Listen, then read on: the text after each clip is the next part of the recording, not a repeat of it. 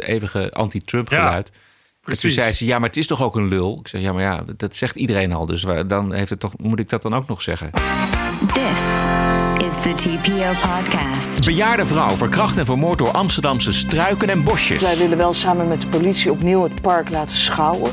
Om te kijken of daar nou, eh, bosjes weggekapt moeten worden. Of er extra verlichting nodig is. En ook in de rest van het land moeten struiken en bosjes eraan geloven als de oud-strijders van IS terugkeren. Ik vind dat kinderen eh, dat die, eh, dat die terug moeten kunnen komen naar Nederland. Ja. Ook dus hun ouders. En ook hun ouders. En de bonusquote gaat over de BBC. En wat je daar van de publieke omroep krijgt voor je kijk- en luistergeld. Doctors, impossible. Repeat. Escape to the country. Repeat. Garden rescue. Repeat. Flog it. Repeat. Oh my god. Niks, geen herhalingen van de TPO-podcast. Dit is aflevering nummer 125. Een spliksplinternieuwe. Ranting and Reason. Bert Bresson, Roderick Phalo. This is the award winning TPO podcast. Op maandagavond 17 juni. Bert, alles goed? Ja, ik was even de bossages wegkappen hier. Heb je, heb je veel bossages daar? Nee, nee, heel veel cactussen en palmbomen. Moeten die, De ook rest- niet, die moeten ook weg, Bert. Ja, want het is, eh, je weet maar nooit. Dat schijnt heel belangrijk te zijn. Dat als er dus iets gebeurt, dan is het de schuld van de bossages en de palmbomen. Ja. Dus, niet van de, dus niet van degene die dat doet. Nee, nee, nee. nee. Dus als er, als er een verkrachter is, ligt dat aan de bossages. Dan gaan we een schouw gaan we houden. Ja, En exact. dan ook nog op een, op een, op een weg waar, dan, eh, waar mensen al jaren klagen. Dat dat, want las dat vandaag op geen stijl. Wat? Nou, iemand had een mailtje ingestuurd die daar woont. Die, eh, die, eh, waar, waar, waar nu ineens die schouw is voor die bossages. Ja. Maar dat is eh, destijds opgenomen in een speciaal groenplan. En dat betekende dus dat het, dat het wildgroei moest worden. Dus er is jaren niks aan gedaan. Ja. En toen hebben al die bewoners jaren geklaagd. Van ja, dit is een beetje onveilig op deze manier. Ja. Gelukkig hoeft er maar één slachtoffer te vallen. Ja, precies. En het mes snijdt aan twee kanten, want het wordt en veiliger en het is goed voor de biomassa. Hè? Want dat kan allemaal huppatee meteen in de verbrandingsoven en dan eh, trekken we daar weer energie van. Eh, ja, we gaan het toch veel hebben over ehm, asielzoekers en uitgeprocedeerde asielzoekers. Vandaag kwam de Telegraaf met cijfers van de dienst terugkeer en vertrek van asielzoekers die geen recht hebben op een verblijfsvergunning. Afgelopen jaar is het eh, ruim 2400 keer niet gelukt uitgeprocedeerde asielzoekers terug te sturen. En afgelopen vijf jaar maar liefst 10.000 keer. Dat zijn volgens mij alle uitgeprocedeerde asielzoekers. Ja, bijna 10.000. wel, bijna wel. Nee, dat, dat, dat, dat het Nederlands immigratiebeleid, eh, voor zover je überhaupt van beleid kunt spreken, is natuurlijk een drama. Maar dat wisten we al. En deze cijfers onderstrepen dat nog maar weer eens een keer. Wat zei premier Rutte vorig jaar november nou aan de vooravond van de ondertekening van het pact van Marrakesh, dat VN-pact over migratie? Het is een pact wat zegt, eh, de soevereiniteit wordt er niet door geraakt. En dat heeft ook geen juridische gevolgen. En de meerwaarde lijkt erin te zitten dat je als landen in de wereld afspreekt... dat je bijvoorbeeld eh, als land bereid bent je burgers terug te nemen. Ja. En dan kun je zeggen, ja, dat pact van Marrakesh dat is pas een half jaar oud. Uh, maar er is eigenlijk nul intentie bij landen als Marokko, Algerije, Afghanistan, Irak om die mensen terug te nemen. Toch? Wie had, wie had dat verwacht? Ja, niemand. ja, maar het is natuurlijk ook een eenzijdig pact. Dat pact is bedoeld voor aan onze kant. Om ervoor te zorgen dat de mensen die naar ons gaan... nog minder makkelijk weg kunnen. Dus dat ze allemaal blijven. Niet andersom. Ja. Dat, dat zou je wel denken, want het is een pact. Maar dat wisten we natuurlijk allemaal dat het zo niet zou gaan werken. Nee, maar het is verkocht aan ons natuurlijk met deze disclaimer, met, deze, met dit vooruitzicht van kijk maar, uh, we gaan dat regelen. De Nederlandse overheid en, en Europa, we hebben het al vaker gezegd, maar staat voorkomen machteloos of toont zich volledig machteloos in deze zaak. En nu hoor je weer de cijfers. En dan Ja. word je weer met je neus op de feiten gedrukt. Want wat ik al zei, dat zijn volgens mij eh, zo'n beetje alle uitgeprocedeerde asielzoekers, weet je wel. Ja. Het zijn er dan het zijn er dan tien bij wie het wel lukt en 10.000 niet. Eh, en dat is dus al, eh, al vijf jaar. De- en het, waarschijnlijk is het al langer. Ook dat ze het weten, alleen nu krijgen we dat te horen. Met dank aan weet ik niet, hebben ze gewopt? Wa- Was het überhaupt een scoop of hebben ze dit zelf vrijgegeven? Nee, ze hebben gewoon gevraagd aan, aan die dienst van hoe zit dat met die cijfers. Dus ze zijn gewoon eigenlijk... Ze- Ja, het is gewoon heel simpel eh, journalistiek werk. Gewoon even bellen. Eh, ieder jaar komen die cijfers en dit was dan wel weer de tijd. Dus eh, kom erop met die cijfers. Vorig jaar heeft de Telegraaf dat ook gedaan. En dan wordt het ver- eh, overgenomen verder door, door het AD en andere eh, media. Ja, en daar gebeurt dan dus verder niks mee. Nee, vorig jaar hebben ze het ook gevraagd. Ja, precies. En, maar die IND Maar volgens mij, dan krijg je weer van ja, maar de IND uh, is direct er helemaal uit. En, uh, en uh, veel te veel werk. een beetje en, te weinig geld. Eigenlijk bij een beetje nu alles zo waar je, wat in het nieuws komt. Belastingdienst, ja. Uh, OM, het allemaal werkt het niet. En het blijkt allemaal, ja, het is, het is ook, ook veel, veel, te, veel, te ver, veel te ver gestretched inmiddels. Ja. Is niemand die dat nog, nog kan bolwerken, grote achterstanden. En in dit geval uh, dus inderdaad, want het gaat natuurlijk vooral over asielzoekers uit, uit kansarme landen. En Nederland en, en Europa als geheel is volledig afhankelijk, stelt zich ook volledig afhankelijk op ten opzichte van die landen, heeft eigenlijk niks in te brengen. Uh, dit is Klaas Dijkhoff in november 2016, toen hij staatssecretaris van Veiligheid en Justitie was. Marokko is een land waarbij het minder soepel gaat. Hè? We hebben een paar maanden geleden zagen we allerlei mensen uit Albanië. Nou, als ik daarmee de Albanese overheid belde en ik zeg ik heb een vliegtuig vol Albanese die het geprobeerd hebben, die moeten terug dan uh, kon dat ook. Marokko is ingewikkelder. Daarom zullen wij ook uh, als kabinet weer met Marokko uh, gaan praten om te zorgen dat dat beter gaat. Ja, dat praten dat, dat is dus vanaf dit moment alweer 2,5 jaar verder. En, er, en er, er gebeurt helemaal niks. Hoe lang kun je praten? Hè? Ja. Hoe lang kun je iets proberen? Maar goed, je vraagt je ook af hoe lang kan een, een, een, een, een kabinet of een regeringspartij of überhaupt politiek iets proberen. 10 jaar, 20 jaar, 30 jaar. Uh, volgens mij, in Nederland is het volgens mij heel lang vol te houden. Want ik geloof niet dat er nou heel veel verzet tegen is. Zeg maar ook een, een kleine, kleinere groep die daar überhaupt over, over praat. Het is de telegraaf van alle kranten die dat opvraagt. Ja. Uh, en voor de rest zeggen mensen, ja, dan moet je niet zo verzeuren. Ja. Uh, en, en, en die wilden ook dus graag allemaal dat pact ondertekenen. Niet omdat het dan zou betekenen dat we makkelijke mensen terug kunnen sturen. Maar omdat er makkelijke mensen binnenkomen. Dus ik denk dat de VVD of wie er dan ook ooit aan de macht is, daar nog heel lang mee kan bezig blijven. Ja. Het is ook een beetje de verantwoordelijkheid van de gespreide verantwoordelijkheid. Dus niemand is eigenlijk verantwoordelijk. Want dit zijn heel vaak uh, jongens die komen, die zijn al in, in Duitsland geweest of die zijn elders Juist. al geweest. Die heeft overal, hebben al overal geprobeerd. Komen ze in Nederland. Ze weten eigenlijk al dat ze het daar ook niet gaan redden met een verblijfsvergunning. Maar ze hebben dan weer een enige tijd onderdak. En ze krijgen misschien wel een terugkeerpremie. Dat is altijd fijn. En dan nog maar afwachten of ze inderdaad ook terugkeren. Maar het, is, het, is, het lijkt een gebed zonder end. Um, behalve dan in Italië, waar ze dan uh, gewoon heel rigoureus zeggen: uh, wegwezen en we gaan jullie terugsturen. En waar komen ze dan terecht? Hè? Deze uitgeprocedeerde asielzoekers, die komen natuurlijk terecht in Amsterdam. Want hier ja. hebben we binnenkort vijf of zes van die centra waar dus uitgeprocedeerde asielzoekers terecht kunnen. Ja, maar goed, die komen dan wel terecht in straten waar de bosjes net zijn gekapt. Ja. Waar een schouw is geweest op uh, verlichting en bosjes. Ja. Dus dat scheelt toch al een hoop voor de omwonenden, denk ik. Ja, net te laat eigenlijk, uh, het, het kappen van die bosjes in Amsterdam Buitenveldert. Uh, deze week, afgelopen maandag, is daar een 68-jarige vrouw om het leven gekomen. Um, vanwege haar verwondingen die ze opdeed op 21 april jongsleden bij een gewelddadige verkrachting in de buurt van waar ze woonde. De dader is een uh, 20-jarige uh, asielzoeker met een verblijfstatus. En volgens burgemeester Halsema is de bejaarde vrouw slachtoffer dus van bosjes en een gebrek aan lantaarnpalen. Wij willen wel samen met de politie opnieuw het park laten schouwen. Om te kijken of daar nou, uh, bosjes weggekapt moeten worden. Mm. Of er extra verlichting nodig is. Um, dat gebeurt volgende week. Mensen denken dan, ja, uh, asielzoekers hebben vaak een getraumatiseerd verleden. Uh, kunnen we die goed genoeg in de gaten houden dan als overheid? Nou, dit is gewoon een Amsterdammer hè, met een verblijfsvergunning. Um, ik weet het niet. Ik weet echt niet wat hier aan de hand is geweest. Het is gewoon een gruwelijk incident. Uh, dit is een statushouder. Uh, er speelt natuurlijk in Buitenveld ook iets rondom de geplande 24-uursopvang ja. voor uitgeprocedeerde asielzoekers. Dus die onrust is er al. Dan komt dit er nog even bij. U begrijpt dat dat uh, misschien tot nog weer meer vragen zal leiden. Nou ja, dat is natuurlijk al gebeurd. Er zijn een paar politieke partijen die ook dat verband hebben gelegd. En ik moet zeggen dat ik daar vrij veel moeite mee heb. Mm -hmm. Dat mensen in een wijk zich zorgen maken, dat begrijp ik. Maar dat je vervolgens eigenlijk twee kwesties aan elkaar verbindt, uh, dat vind ik een beetje moeizaam. Uh, volgend najaar zou die opvang in gebruik worden genomen. En die opvang is natuurlijk vooral ook bedoeld om meer veiligheid te brengen.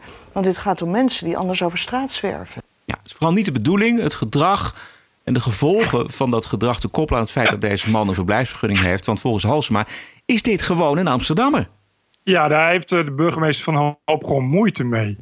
moeite. En het logische gevolgtrekkingen heeft de burgemeester van de wereldstad, de metropool, de hoofdstad van Nederland, daar heeft de burgemeester moeite mee. Met, met simpel 1 plus 1 is 2. Nou, dat is, eh, eh, ja, goh, hoe moet ik dat eigenlijk zeggen? Dat, ik kan daar eigenlijk niet nog, nog iets over zeggen. Want het is Amsterdam. Ik vind het heel mooi passen in, eh, in de geschiedenis van Amsterdam, laten we zeggen, het afgelopen, afgelopen jaar. Of wat de afgelopen jaren. Dat is altijd moeite geweest vanuit het bestuur, wat altijd weer een links bestuur was, al sinds pak een beet 1132. En daar hebben ze altijd moeite gehad met bepaalde realiteiten en waarheden om die te accepteren dan is er ineens moeite. En dan is het vervelend dat burgers daar wat van zeggen. Dus dan woon je in Buitenveldert.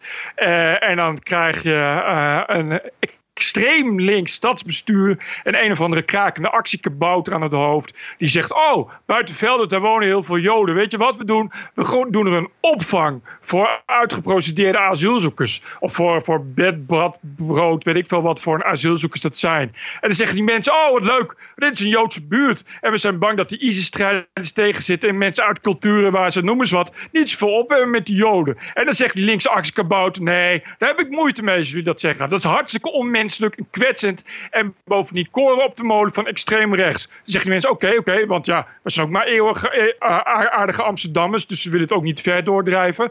Dan wordt er een aardige mevrouw van 68, ik herhaal 68, wordt verkracht en zo hard mishandeld dat ze doodgaat. Dan is ze echt heel hard geslagen. Dus niet alleen verkracht, maar ook heel gruwelijk mishandeld. Door iemand van 20 die, hé, hey, een asielzoeker. Je raadt het nooit. Uit een land waar ze een cultuur hebben waar ze niet zoveel op hebben met vrouwen. Want ja, vrouwen zijn daar een beetje minder waardig. En misschien is ze ook wel getraumatiseerd. Dus nog een keer 1 plus 1 is 2. En dan zeggen die mensen, nou, zie je nou wel, burgemeester, misschien toch niet zo'n goed idee dat hier nou nog meer asielzoekers komen. Want nou, één verkrachting die op gruwelijke wijze is vermoord, is misschien wel voldoende. En wat zegt de linkse burgemeester dan? Nee, nog een keer 1 plus 1 is 2 heb ik ook moeite mee wat ik ook niet kan voorstellen is eigenlijk dat er niet wordt gedacht van... is dit misschien een vergissing geweest dat deze man een verblijfsvergunning heeft gekregen? Want we willen natuurlijk in Nederland helemaal geen criminele asielzoekers. En als mensen zich misdragen of ze zijn niet geschikt om in de samenleving uh, te functioneren... omdat ze getraumatiseerd zijn of om wat voor reden dan ook... dan moet je die mensen niet toelaten. Ho, zei je asielzoeker? Ik heb een beetje moeite met dat woord. Ja.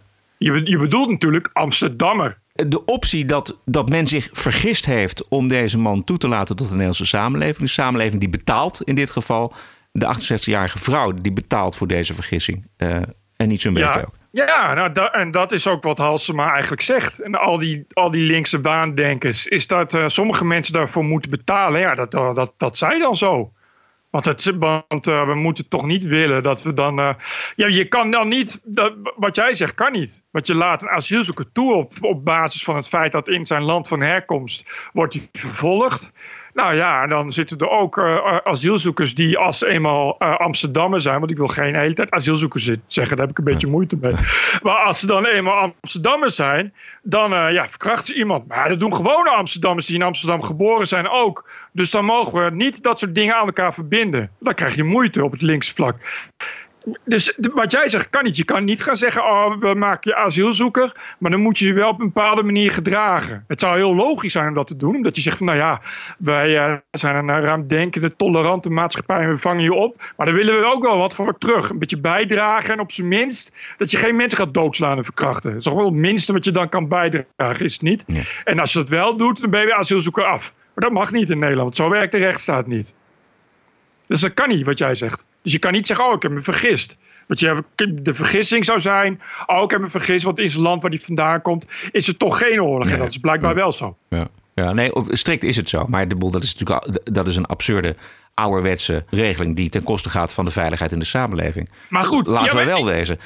Ik vind Kijk, je, je, je, kan het wel doen, maar ik vind dat we dat bij iedereen moeten doen. Ik vind dat als je, als je vrouwen of kracht en doodslaat, dan moet je gewoon weg uit de maatschappij. Ja. Gaan we op een eiland zitten, weet ik veel, Madagaskar of zo, of, of Utoya, weet ik niet. Gewoon een leuke plek waar je gewoon kan zitten en niemand last van je heeft. Maar dat doen we dus niet. Dus ja, dan kun je ook niet zeggen, jullie wel en wij niet.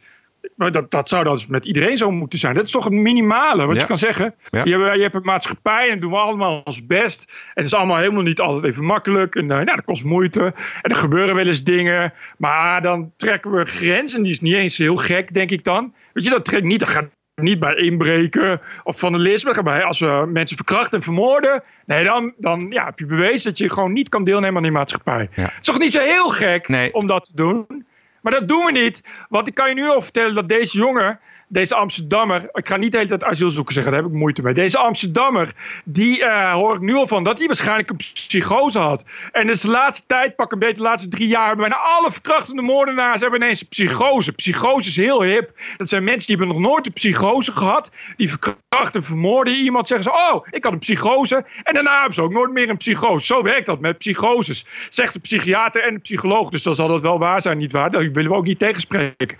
En als je dat hebt, dan krijg je geen straf. Want dan ben je ontoerekeningsvatbaar. En als je ontoerekeningsvatbaar bent, krijg je geen straf. Dan ga je naar een psychiatrische instelling. Je gaat nooit in welke plaats een psychiatrische instelling staat, Roderick. In Den Dolder. In Den Dolder staat een psychiatrische instelling. Dus ik denk dat deze jongen, deze Amsterdammer, want ik zeg niet asielzoeker, want daar heb ik moeite mee. Ik denk dat deze Amsterdammer over een paar jaar gewoon weer rondloopt in de bossen van Den Dolder. Dat ben ik. Roderick, zo ben ik. Halsema die wil wel af, vandaag bekend geworden, van de ASO-asielzoekers in het ASO-AZC aan de Transformatorweg. Eh, dat zijn de pre-Amsterdammers. Die maken zich schuldig aan allerlei intimidaties en criminaliteit. Eh, ze wordt er afgereageerd op kinderen die daar op de voetbalvereniging zitten. En er staan eh, asielzoekers naakt in de kleedkamer van die voetbalverenigingen. Eh, politie is overbelast door het ASO-AZC. En nu heeft Halsma gezegd, dat gaat me te ver, ik, het moet sluiten. Eh, andere gemeenten moeten er maar voor zorgen. Dus dat wordt verplaatst naar een andere gemeente. Daar heb je het weer. Die verantwoordelijkheid wordt weer... Hè, we, hebben, we hebben ons eh, plicht gedaan, afgeschoven naar een andere stad. En dat is allemaal het gevolg van het immigratiebeleid van Nederland. Ja, Want dit zeg je goed. we kunnen niemand weigeren eigenlijk. Dat is, het, dat is het beleid. We kunnen niemand weigeren en we kunnen niemand terugsturen. Maar ik snap gewoon niet, hoe mo- moeilijk is het om dit soort luiden ook gewoon vast te zetten? Ja, vastzetten is één. Ja, dat is fijn. Maar kijk, weet je, het heeft alles te maken met een, met een oud vluchtelingenverdrag. Nederland heeft dat verdrag ondertekend. Ja, of iemand nou psychotisch is of niet, een gevaar is voor de samenleving of niet. eh, als hij uit een onveilig land komt, eh, dan is hij hier in principe welkom. Ja, maar dit zijn eh, lui waarvan aangetoond is. Ik bedoel, zelfs de burgemeester die normaal met allemaal dingen moeite heeft, die is, is het nu zat. Dus, dus het zijn geen lieve jongetjes, denk ik. Nee, nee. Dus, dus dat is dan toch aangetoond. En dan kun je toch, als je dan, dan kun je niet bezig blijven met doorschuiven naar andere gemeenten. Je kan dan toch, eh, weet ik veel, op eiland Pampus gewoon een groot fort Ja, dat bouwen. zou heel goed kunnen. daar- Maar deze, ja, kijk, zo wordt het gerekt. Dus dit zijn Ja. ASO-asielzoekers. Die moeten waarschijnlijk nog in de procedure. Maar die zijn eigenlijk al. eh, of die komen uit veilige landen. eh, maar die hebben dan toch recht op die asielprocedure. Dus die wachten dat allemaal af. En die misdragen zich. Die hele buurt maken ze onveilig. En dat duurt vaak een, een half jaar. Of een jaar. Of anderhalf jaar. En uiteindelijk weten ze. Ook weet iedereen van. Nou, die krijgen die eh, status niet. En dan moeten ze terug. En dan, nou, dan gaan ze niet terug. Dus dan gaan ze in de illegaliteit. Dan komen ze op in een opvanghuis hier in Amsterdam. Of ze zwerven door, door Nederland en ze gaan terug naar Duitsland of naar België, whatever. Maar er is niemand die ze oppakt en ze in een vliegtuig zet en terug naar Marokko, Marokko zet. Wat je Dijkhoff net hoort zeggen. Hè? We hebben een vliegtuig vol Albanese en we komen jullie kant op. Waarom kan dat niet met Marokko? Dat snap ik dus ook niet. En, en sowieso, ik bedoel, die- die Marokkanen die zijn zelf ook geen, eh, geen watjes.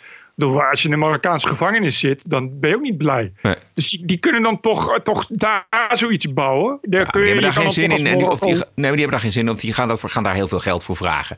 Ik las eh, vandaag een stuk eh, dat Afghanistan, dat is dan voor delen is dat veilig, delen ook niet. Maar goed, voor delen is dat dan veilig. En de Afghaanse regering die vraagt van de Europese Unie miljarden om die mensen terug te nemen. Miljarden. Ja, Ja, Dit klinkt meer als chantage. Maar nou goed, ja, goed. Ja. Miljarden. Ja. Dat is het ineens is een leven heel veel waard als het zo uitkomt in bepaalde landen. Maar wat ik, eh, eh, wat ik erg vind aan dit verhaal is dat er destijds werd besloten om uh, ASO-asielzoekerscentra in Amsterdam te zetten. en dat mensen dan zeiden, nou, dat is misschien niet zo'n goed idee, want ASO-asielzoekerscentra. En dat, mensen, dat de mensen van wederom een links stadsbestuur zeiden, nee, dat soort dingen mag je niet zomaar aan elkaar koppelen. Daar hebben wij moeite mee. Dat, daar gaat echt niks gebeuren, want het wordt goed in de gaten gehouden. En begeleid, veel begeleid, dus veel hulpverleners. Dus dan weet je, het komt allemaal goed. En zie daar jaar uh, het is altijd weer erger dan dat je, dan dat je dacht. Dus, uh, want onze dochters die zijn bespied en zijn lastiggevallen. Terwijl ze na het sport in de kleedkamer zichzelf aan het omkleden waren. Nou, lekker. Daar heb je echt een lekker gevoel bij. Dat je, dat je, dat je al dacht. Nou, als het maar goed gaat, komt de ASO-asielzoekerscentrum. Maar dan ben je weer een racist. En dan ben je een vuile Baudet-stemmer. Dus dat mag je niet zeggen. En tada! Wat blijkt? ASO-asielzoekers die uh, vertonen asociaal gedrag. En die doen dat inderdaad om en nabij het ASO-asielzoekerscentrum. Dus dat is dan. Bedoel, het moet dus nu worden gesloten. Dan weet je toch dat het in een andere gemeente precies zo gaat. Dan hou je daar toch gewoon mee op. Ja. Dan bouw je toch één groot ASO-asielzoekerscentrum. Met een slotgracht eromheen. En een hoge hek. Waarvan je zegt: jullie mogen wel naar buiten, maar alleen op de luchtplaats. En daar stop je dan alle ASO-asielzoekers, uh, ASO-asielzoekers van Nederland. En dan kunnen ze dan leuk afwachten tot uh, de IND niet voor elkaar krijgt om ze uit te zetten. Wat dan nog 10 jaar of 20 jaar kan duren. Maar goed, weet je, dan ben je en niet, niet inhumaan bezig, want je houdt gewoon aan alle wetten. Bovendien je hoeft die mensen verder niet inhumaan te behandelen. Maar je houdt ze wel buiten de maatschappij. Want het idee zegt het al, ASO. ASO betekent dat ze zich niet sociaal gedragen. Dat is toch heel makkelijke, ja, makkelijke kleuterschooltheorie, lijkt mij. Wat ik me wat ik ook tamelijk verbazend vind, is dat uh, dit uh, linkse bestuur van de hoofdstad van Nederland. Uh, maar dat geldt eigenlijk voor heel veel linkse bestuurders. niet in de gaten hebben hoe naïef ze zijn. of hoe idealistisch ze zijn. en hoe weinig realiteitszin ze hebben. En nee. wanneer, wanneer wordt dat nou eens een keer wakker daar? Niet, dat, doet, dat is nou het kenmerk van linkse bestuurders. Dat ze nul realiteitszin hebben. En dat ze nog liever doodgaan dan dat ze ooit gaan toegeven dat ze toch niet zo heel veel realiteitszin hadden. Dat het een beetje is misgegaan. Dus dat is de kenmerken, dat is uh, uh, 100 miljoen doden van het communisme eigen, zal ik maar zeggen. Ik bedoel, dat gaat niet ineens ophouden. This is the TPO podcast. Uh, ondertussen wordt Nederland uh, verder rijp gemaakt voor de ontvangst van het oud-strijderslegioen van Islamitische Staat. Uh, ouders en kinderen die zijn van harte welkom namens de barmhartige Samaritaan Jesse Klaver. Ik vind dat kinderen dat die, dat die terug moeten kunnen komen naar Nederland. Ja. Ook dus hun ouders. En ook hun ouders. Ja, op kosten van de samenleving. Ja, nou misschien is, wordt het toch echt een keer tijd om dan eens een keer naast Jesse Klaver te gaan wonen. Gewoon een keer een jaartje doen. Dat je aan de ene kant naast Jesse Klaver een opvangcentrum voor ASO-asielzoekers bouwt. En dan aan de andere kant uh, een opvangcentrum voor reïntegrerende in de maatschappij ISIS-gangers en hun ouders. En dat Jesse Klaver dan zo mans is om te zeggen: ik ga het in een jaartje aankijken. Want ik wil niet bijvoorbeeld dingen aan elkaar verbinden, want daar heb ik moeite mee. Dat, dat zou ik heel mooi vinden.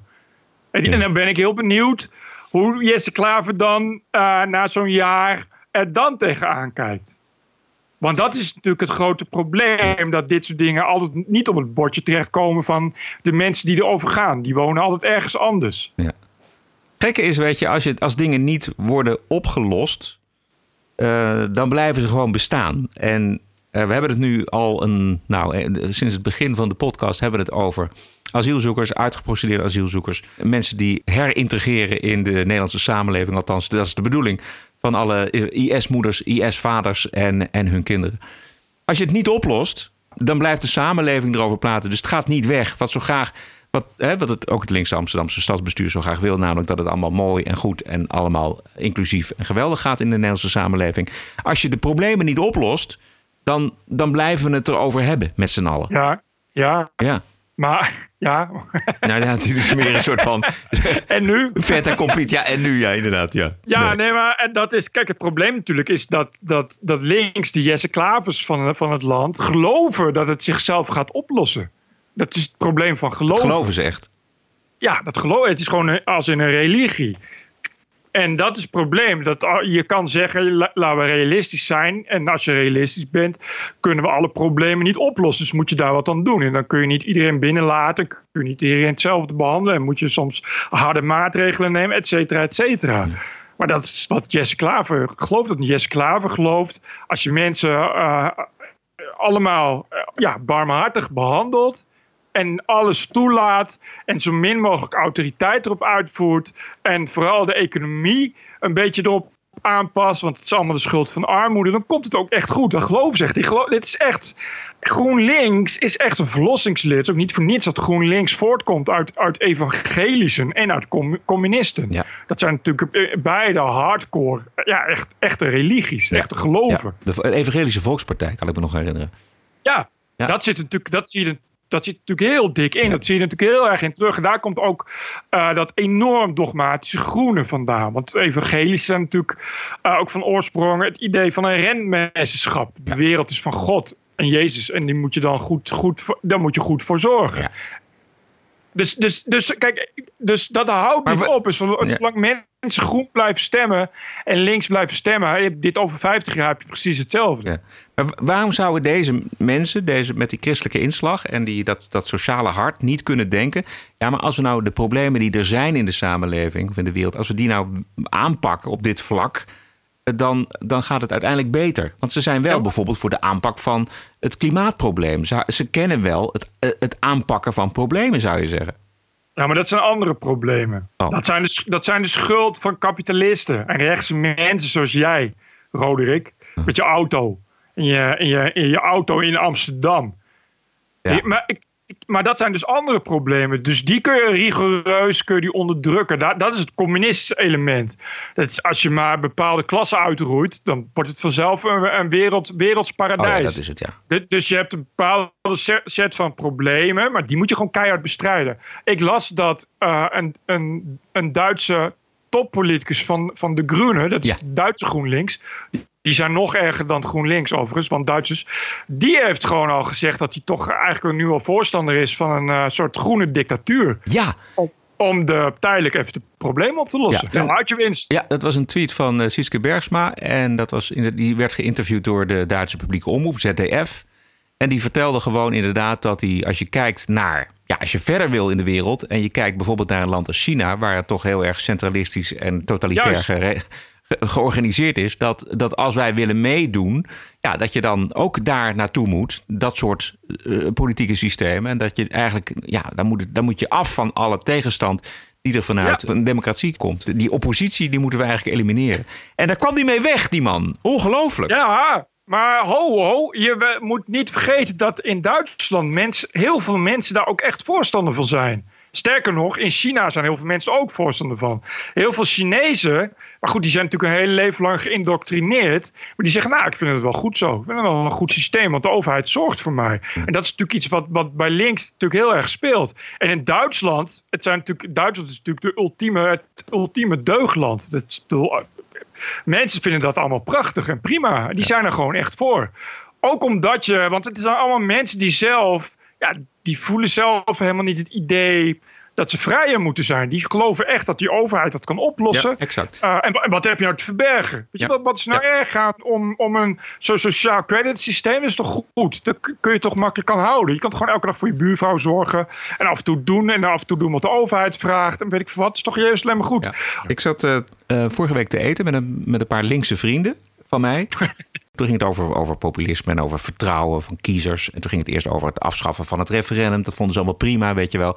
Want ja, dat kun je niet overlaten aan gewone burgers. En toen ging het dus echt over waar, heb je vertrouwen in? Mijn wantrouwen zit heel erg uh, richting de elite en uh, de Europese Unie. Ik geloof mm -hmm. helemaal niet dat dat allemaal goed gaat. Ik, ik heb meer vertrouwen in wat de bevolking in een democratie besluit. Gewoon in, bij meerderheid. Of ik het daarmee eens ben of niet. Maar daar heb ik vertrouwen in.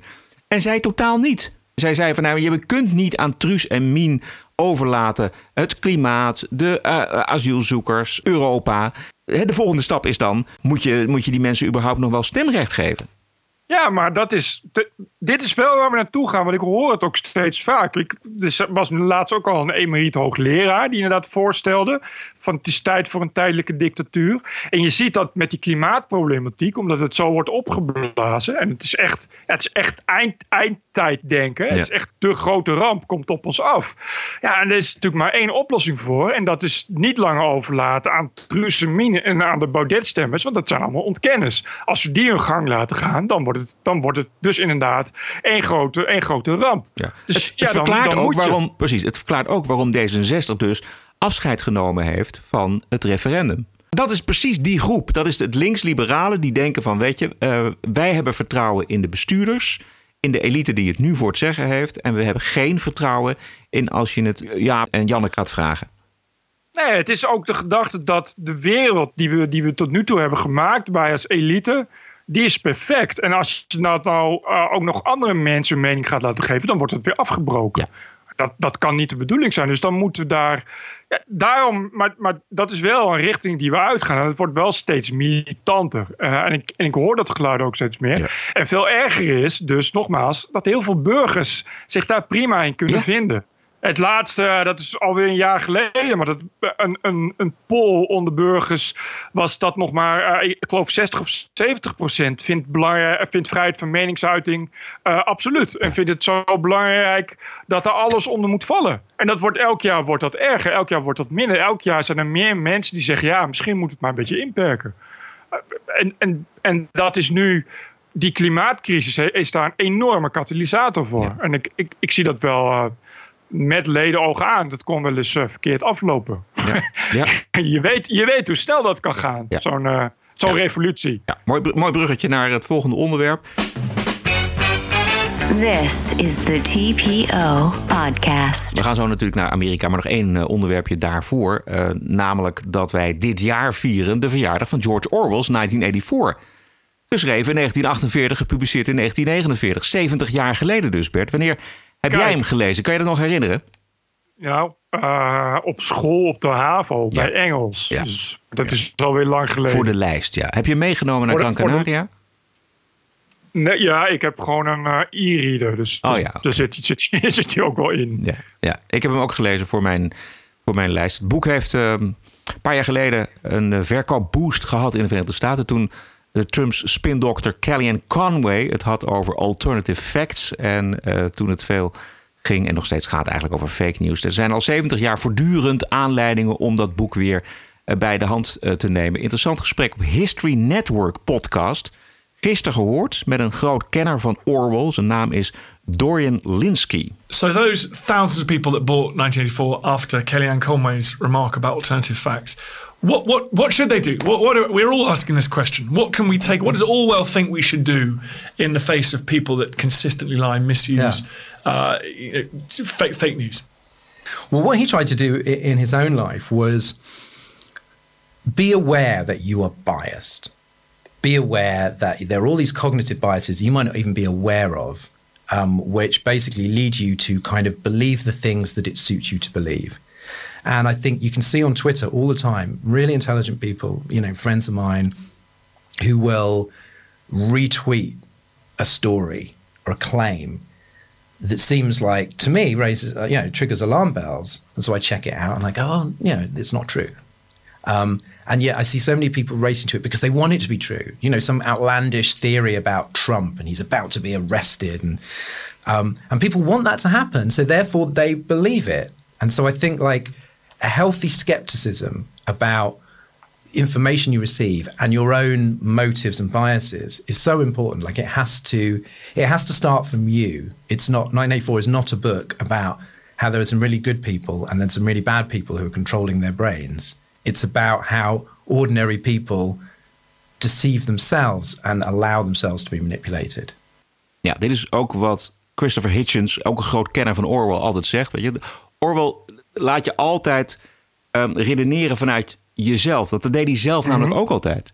Dus het- ik vind het ook heel mooi wat deze man zegt. Namelijk, ehm, wat kunnen we ervan leren? Nou, dat we allemaal bevooroordeeld zijn. En dat we, dat we heel graag dingen willen geloven. Het is niet zozeer dat er binnen nu en een afzienbare tijd... een eh, Big Brother ergens de dienst gaat uitmaken. Het kan wel, maar het is ook heel erg onze eigen verantwoordelijkheid... om te kijken naar wat is waar, wat willen we geloven... en hoe bevooroordeeld zijn we zelf eigenlijk. Ja, en het in twijfel durven trekken van alles. Exact. Eh, en het, en het eh, bewustzijn. Want het is natuurlijk een onbewust proces. Ik denk dat voor heel veel mensen. Ik zag laatst de, de jaarlijkse media monitor van, van Reuters. Uh, die doen ze ook in Nederland. En dan zie je dat, dat dan. ja, de, de NOS is het meest trouwe merk. Het is rapportcijfer 10 of zo, weet je, wat mensen daarin hebben. Terwijl ik zou dat in elk geval geen rapportcijfer 10 geven. Maar de reden dat mensen dat doen is omdat ze nog nooit hebben afgevraagd of het nieuws wat van de NOS komt misschien ook wel biased is. Uh, of degene die dat nieuws maakt, uh, daar uh, misschien ook wel een agenda in heeft, et cetera, et cetera. Of het misschien wel of niet klopt. omdat ze dat zich nooit hebben afgevraagd, is dat een onbewust proces geworden. Die mensen gaan naar de NOS, die kijken journaal en die nemen dat automatisch aan. Omdat, ze, omdat er geen moment van reflectie is van waar kijk ik eigenlijk naar? Wat neem ik aan en waarom neem ik dat aan? En dat is natuurlijk iets uh, ja, waar we allemaal mee opgroeien en worden opgevoed. Ja, ja dat, dat, is, dat, dat zou je kunnen vatten onder het kopje gewoonte. Hè? Dus je, je vertrouwt iets en dat, dat is een soort van. Nou ja, dat, dat vertrouw ik al 10, 20, 30 jaar.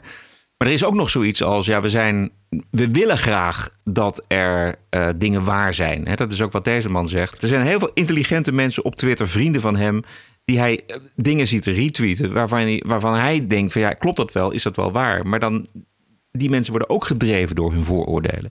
En doordat ze graag willen dat bijvoorbeeld Trump wordt uh, aangepakt. En hoe vaak hebben wij al um, gehoord de afgelopen 2,5 jaar, drie jaar, dat het afgelopen is met Trump? Hè, daar hebben we ook regelmatig aandacht aan Mhm. besteed. Ja, de, en, de, en hoe vaak is dat al in televisieprogramma's geweest? Omdat ze het graag willen dat het gebeurt. Ook, maar ook omdat het natuurlijk, omdat het natuurlijk heel veel oplevert. Zeker in een, uh, in, in, in, die, in een echokamer als Twitter. Het, is natuurlijk ook, uh, het gaat natuurlijk ook om laten zien dat je deugt. En uh, dat deugen heeft natuurlijk een functie. Je vindt daar aansluiting bij. Ja. Je krijgt telkens weer likes en duimpjes. en, en je weet dat als je niet, niet elke dag een paar keer laat zien dat je deugt. Zeker als BN'er, dan weet je dan heb ik morgen geen werk meer. Ik mag alleen, ik mag alleen komen als ik ook naar de Nacht van de Vluchteling ga. Die mensen hebben helemaal niks met vluchtelingen. Nee. Maar ja, die weten ook als ik niet ga, dan mag ik straks niet meer bij de wereld eruit door aan tafel. Dus het, het, heeft een functie. En, en, en bij Twitter en Facebook heeft het natuurlijk een veel. Is dat een enorme, een, enorme uh, versneller ge geworden van alles. Het gaat natuurlijk, die, die dynamiek gaat een miljard keer sneller. Dus natuurlijk is het, is het dat slimme mensen die een tijdje op Twitter zitten, gaan zich anders gedragen. Ook omdat dat natuurlijk uh, ja, het trekt elkaar heel erg aan. En elke keer als je iets retweet, waarvan andere mensen zeggen: goed dat je dit retweet, wat deug je ja. toch top? Is, is een uh, uh, incentief om dat nog vaker te doen. En we het ook aan, aan de rechterkant, zeg maar? Ja, ook wel. En ik bedoel, ik zie het dan ook, ook wel aan de rechterkant. En uh, ik betrap natuurlijk er zelf ook wel eens op. Maar het is, kijk, het heeft natuurlijk ook te maken dat, dat bijvoorbeeld jij en ik, wij zitten, wij zitten al heel lang in het werk. Uh, en ik heb inmiddels al uh, een, een voorbewust stadium opgebouwd voor elke tweet die ik zie. Dat ik denk van even controleren. Ja. En als ik een artikel voorbij zie komen, heb ik mezelf gelukkig al aangeleerd om eerst de datum te controleren. Precies. Omdat als het op Facebook staat, is het meestal een artikel van acht jaar oud. Ja. En, maar dat, dat komt dat dat ook iets is wat in ons werk zo moet. Dus dan, dan, dan is het veel makkelijker. Als je dat niet hebt, Precies. is het veel moeilijker om daar kritisch bij te blijven. Ja, correcto. This is CNN breaking news. Donald Trump is not going to be president of the United States. Welcome to Morning Joe. Mr. President, if there is no collusion. The government shutdown is now in week four. Today was not just like a normal stormy day in the news. This is not just my opinion. TPO Podcast. This is evident. Sarah Huckabee Sanders, de perschef van Trump, die heeft deze week haar vertrek, of vorige week haar vertrek aangekondigd. Volkskrant uh, kon het opbrengen om met behulp van twee quotejes een stukje over haar te tikken. Ene quote was van een radiojournalist die alleen maar met haar overhoop had gelegen. En de andere quote was van een oud-medewerker van Bill Clinton op CNN. Dus dan weet je wel wat voor toon het berichtje in de Volkskrant had. En de kop was in ieder geval... Trumps falende spreekbuis stapt op. De falende spreekbuis bij haar afscheid. This has been the honor of a lifetime, the opportunity of a lifetime. Uh, I couldn't be prouder to have had the opportunity to serve my country and particularly to work for this president. Uh, he has accomplished so much in these two and a half years, and it's truly been uh, something I will treasure forever. Uh, it's one of the greatest jobs I could ever have. I've loved every minute, even the hard minutes. Uh, I have loved it. I love the president. I love the team that I've had the opportunity to work for. The president is surrounded by some of the most incredible and most talented people you could ever imagine. And uh, it's truly the most special experience. And I know he's going to have an incredible six more years and get a whole lot more done, like what we're here to celebrate today. And uh, I don't want to take away from that. So I certainly want to get back to the tremendous thing that the people behind me have done. And thank you so much, Mr. President. It's truly an honor. Ja, omdat ik zeker weet dat uh, deze toespraak niet in Nederland op televisie was te zien. Het, grap, het, ja, het grappige, het is niet eens grappig, maar we hebben het gehad over zeg maar, de vooroordelen die uh, journalisten hebben. Zo'n stukje in de Volkskrant, wat mij daar nou zo ontzettend aan ergerde, was uh, dat het weer vooropgezet was, weet je wel. En dan vragen ze dus twee journalisten, eentje die er met haar overhoop lag. Ja, wat, wat denk je wat je krijgt? Er is geen één woordvoerder transparant. Er is geen één woordvoerder die zijn president afvalt. Haar baan was om Trump uit de vuurlinie te houden. En daarin is zij zo goed als geslaagd geweest, volgens mij. Ja, ik vond het, ik, zei, ik vond het juist dat ze heel goed was. Ja. Het is een hele, hele sterke, krachtige vrouw die, uh, die heel veel heeft moeten verduren. En dat allemaal uh, gewoon uh, netjes deed en uh, keurig haar werk bleef doen. bovendien, ja, je moet dus Trump zijn beleid en, en, en zijn, ja, zijn, zijn, zijn communicatie moet je, moet je verdedigen. Dus het lijkt me geen makkelijke klus. Dus ik vind dat er wel een beetje respect zou wel mooi zijn. Ja. Het is toch, het is geen, het lijkt mij niet dat er veel mensen zijn die, die dit kunnen. Volgens mij is het, wel, is, het, is het de heftigste baan die je als voorlichter op de wereld kunt krijgen. Dat lijkt mij dus ook. Ik vind dat zij dat altijd keurig deed. Je moet het maar doen. Je moet er maar elke dag staan. Uh, en, en op zo'n manier dat uitleggen dat het, dat het toch nog iets is. Uh, en wel elke keer uh, die enorme hoeveelheid het vuur wat je aan de schenen wordt gelegd. door de Jim Acosta's. Want er zijn er natuurlijk heel veel van, elke dag. dan moet je dat toch maar even doen. Moet je even, toch maar kunnen. Ja. Zullen we even luisteren naar een voorbeeld? You did not say Uh, Jim, Jim Acosta. Say that the press is not the enemy of the people. And I, I, I, think it would be a good thing if you were to say right here uh, at this briefing that the press are not the enemy of the people. I, I, I think we we deserve that. I think the president has made his position known. I also think it's ironic. Mind telling us, I'm, I'm trying to answer you your question. okay, well, I, I it- politely waited, and I even called on you, despite the fact that you interrupted me while calling on your colleague. Well, you I said it's ironic. Is why I interrupted. I'm trying. Het is toch, het is verschrikkelijk deze vet. Die Jim Acosta, dat is zo'n zo'n ongelofelijke zuiger. But if you if you finish, if you would not mind letting me have a follow up, that would be fine. But It's ironic, Jim, uh, that not only you and the media attack the president for his rhetoric uh, when they frequently lower the level of conversation in this country. Repeatedly, repeatedly, the media resorts to personal attacks without any content other than to incite anger. Uh, the media has attacked me personally on a number of occasions, including your own network, said I should be harassed as a life sentence, that I should be choked. ICE officials are not welcomed in their place of worship, and personal information is shared on the internet. When I was hosted by the Correspondents Association, of which almost all of you are members of, you brought a comedian up to attack my appearance and call me a traitor to my own gender. In fact, as I know, um, I'm as far as I know, I'm the first press secretary in the history of the United States that's required Secret Service protection. The the media continues to ratchet up the verbal assault against the president and everyone in this administration. And certainly we have a role to play, but the media has a role to play for the discourse in this country as well. Dat vind ik dus een hele goede woordvoerder van de president van de Verenigde Staten. Ja, toch? Het is, er is uh, geen spel tussen te krijgen. Maar blijf, maar, blijf maar eens zo rustig. Als ik daar zou staan, dan uh, was ik na, na 20 seconden wel op uh, Jim Acosta afgevlogen. Vrees ik. Ik denk niet dat ik de man ben voor die baan. Laat ik het zo dat denk zeggen. ik ook niet. Nee, ik zou, het lijkt mij ook heel erg moeilijk. En Jim Acosta is trouwens ontzettend druk bezig met het, het promoten van zijn boek. Uh, een hele grappige foto afgelopen weekend van uh, Jim Acosta in een boekwinkel voor een signeersessie tussen huizenhoge stapels van, uh, van boeken van het boek van Jim Acosta. En niemand voor het boek. Laat staan voor een gesigneerd exemplaar van het boek van Jim Acosta. Hij stond daar helemaal moederziel alleen. Uh, en dan, dan maar voor zichzelf een boek aan het signeren. Dat was een hele grappige foto. Eh, in het boek neemt hij het eh, naar eigen zeggen op voor de journo's die worden aangevallen door Trump.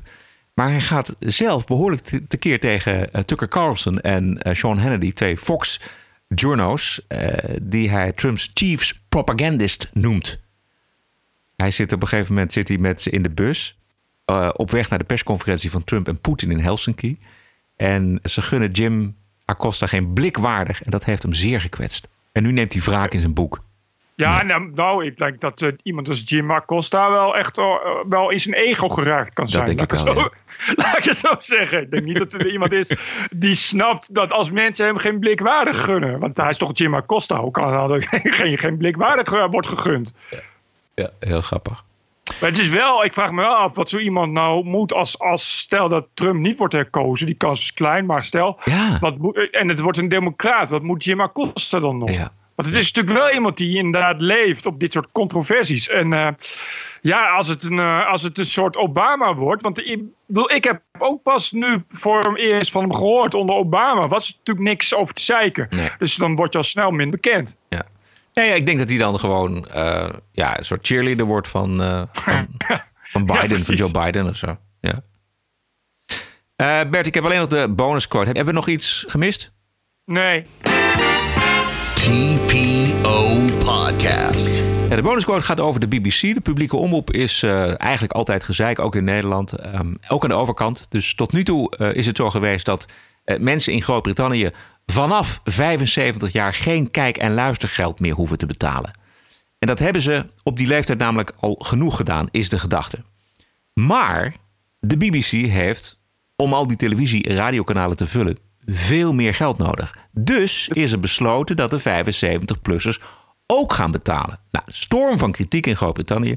En op de commerciële radiozender LBC ziet eh, presentator Nick Ferrari dat de oudjes vooral gaan betalen voor herhalingen. This is what your money is paying for for the BBC. Right, here we go. Ho- Homes under the hammer. Repeat. A1, Britain's longest road. I mean, would you? Who gives a flying? Let's do a documentary series on Britain's longest road. Yeah? Well, why don't you get on it and not come back? go, go to the end of it and give us a call. Uh, caught red-handed. Don't even know what it is. Repeat. Bargain hunt. Repeat. Bargain. Is that still going? News at one. They can't repeat that. Doctors. Impossible. Repeat. Escape to the country. Repeat. Garden rescue. Repeat. Flog it. Repeat. Po- pointless is repeated. Going back, giving back. What the hell's that all about? Repeat. The TV that made me. The TV that made me. The TV that made me. Uh, the TV that I don't even know how to read it. I mean, whatever the hell it is. Anyway, it's on at two thirty-five. If you're that interested, I'd be listening to LBC, are you? And this is sensational. Here we go. BBC Two, big one, The Titfield Thunderbolt, which is a film from 1953. And they're charging pensioners to watch this cobblers. Royal recipes repeat, flipping profit repeat, eggheads repeat, the repair shop repeat. Oh my god. Verschrikkelijk. Ja, het is verschrikkelijk. Het is, het is net zo ergens in Nederland hoor. Ja, ik dat wou ik net zeggen. Ook in Nederland wordt er veel minder gekeken naar de televisie. Want dat is natuurlijk het probleem. Vooral door, Ja. door jongeren. En Dus Nederland 3 gaat op de schop en wordt een zender waar programma's van de regionale zenders herhaald gaan worden. Dus ook Ja, herhalingen voor dezelfde prijs, Bert. Nee, ja, maar dat is, kijk, die slop, dat is, dat is een typische ChristenUnie. Eh, die, eh, eh, die speelt het allemaal heel listig. Kijk, wat, dat, dat, dat net drie, dat moet natuurlijk worden opgeheven. Ja. En dat, dat doe je door dit te doen. Dit is natuurlijk een aanbod, maar dit is natuurlijk een, een scenario met alle, allemaal, allemaal stappen die worden doorlopen. En waar het uiteindelijk op neerkomt, is dat één, eh, de, de omroep voor een heel groot deel wordt, ja, wordt, wordt, wegbezuinigd en ingeklonken. En twee, dat, dat, dat derde net wordt natuurlijk opgeheven. Want daar gaat dus niemand meer naar kijken. En dat is natuurlijk de bedoeling. Want dan krijg je ja, elke dag maximaal 20.000 kijkers. Nee, dan moeten we het maar opheffen. Nou, 20.000 lijkt me nog veel. Wat, ga ik naar RTV Drenthe kijken of naar RTV Oh, Overijssel? maar, eh, Het is, eh, joh, je, je, je moet het eens een keer doen. De programmering van, van, van regionale omroepen, dat is zo truttig. Maar sterker Dat- nog, Bert, ik kan ze al ontvangen. Luister, ik kan ze, we kunnen ze al ontvangen via de Ziggo's en, en de KPN's. Ja, het feit is natuurlijk dat er eh, alleen in de regio interesse is in regiojournalistiek, als die er al is.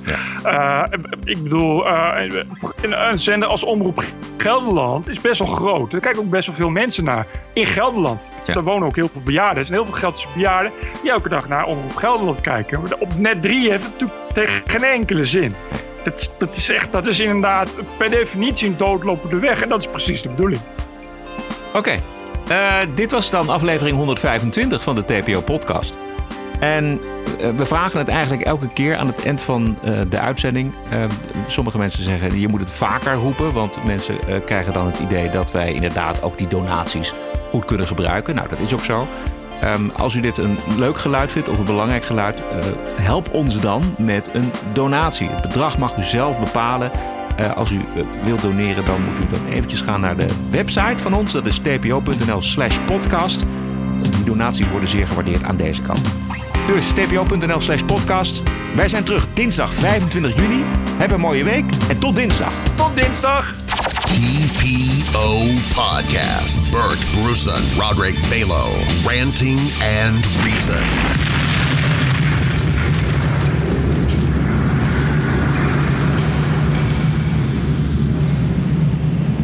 Dat ging vlotjes. Podcasting is the TPO podcast in the Netherlands. Bert and Roderick. What a show. I'm telling you.